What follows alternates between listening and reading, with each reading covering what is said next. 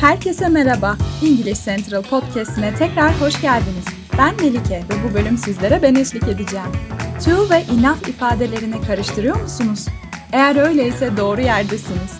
Bugün bu iki kelimenin büyüleyici dünyasına dalıyoruz ve onları ne zaman ve nasıl kullanacağımızı keşfediyoruz.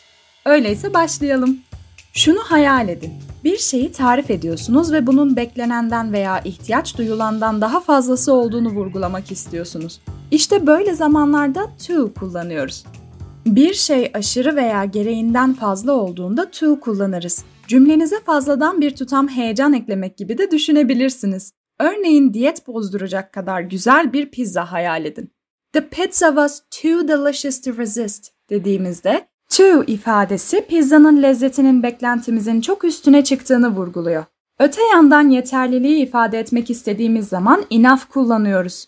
Enough bir şeyin tatmin edici bir miktarı veya derecesi olduğu anlamına gelir. Diyelim ki bir partiden bahsediyorsunuz ve herkese yetecek kadar atıştırmalığımız var diyeceksiniz.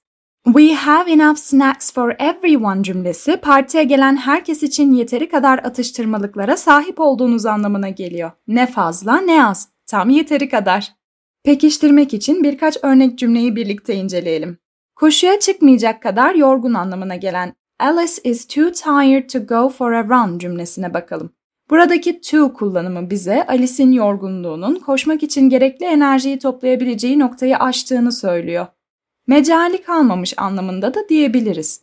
Öte yandan Alex en üst rafa ulaşacak kadar uzun değil anlamına gelen Alex is not tall enough to reach the top shelf cümlesi Alex'in boyunun üst rafa ulaşması gereksinimini karşılamadığını ifade eder. Unutmayın, To, ihtiyaç duyulandan veya beklenenden daha fazlası olduğunda kullanılırken enough tatmin edici bir miktar olduğu anlamına gelir. To ifadesini cümlenin kaymağı olarak düşünebilirsiniz. Özetlemek gerekirse to, gereğinden fazla olan aşırılığı vurgularken enough yeterliliği, gereken miktarı veya dereceyi karşılamayı ifade eder.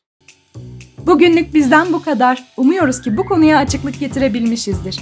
Daha fazla bilgi için www.englishcentral.com adresini ziyaret edebilir veya English Central uygulamasını indirebilirsiniz. Ayrıca metin kutucuğundaki linke tıklayarak English Central'a ücretsiz bir şekilde kayıt olabilir, ücretsiz deneme dersinizi planlayabilir ve 20 binden fazla video içeriğine erişim sağlayabilirsiniz. Bu bölümü beğendiyseniz bizi oynatma listenize eklemeyi ve bölümlerinize kaydetmeyi unutmayın. Dinlediğiniz için teşekkür ederiz. Tekrar konuşmak üzere.